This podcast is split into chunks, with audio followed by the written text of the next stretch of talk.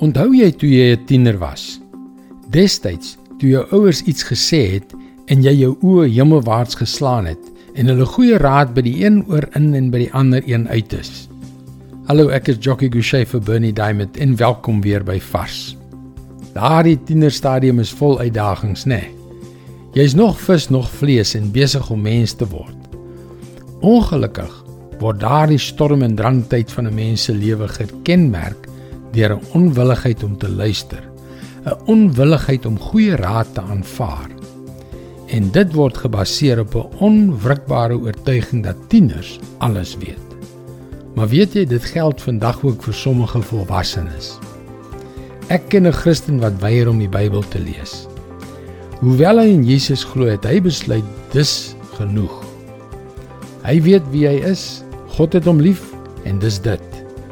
Ek weet dat nie een van ons perfek is nie, maar sy gereelde woede-uitbarstings trek 'n streep deur sy getuienis.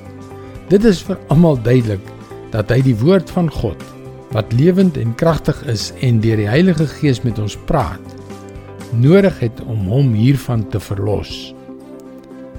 Ons lees in Johannes 12 vers 4 tot 6.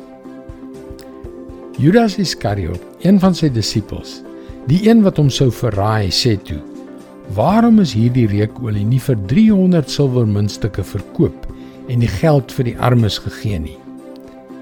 Dit het hy gesê nie omdat hy hom oor die armes bekommer het nie, maar omdat hy 'n dief was. Hy het die beursie gehad en het van die bydraes gevat. Dis moeilik om te glo, nê? Nee.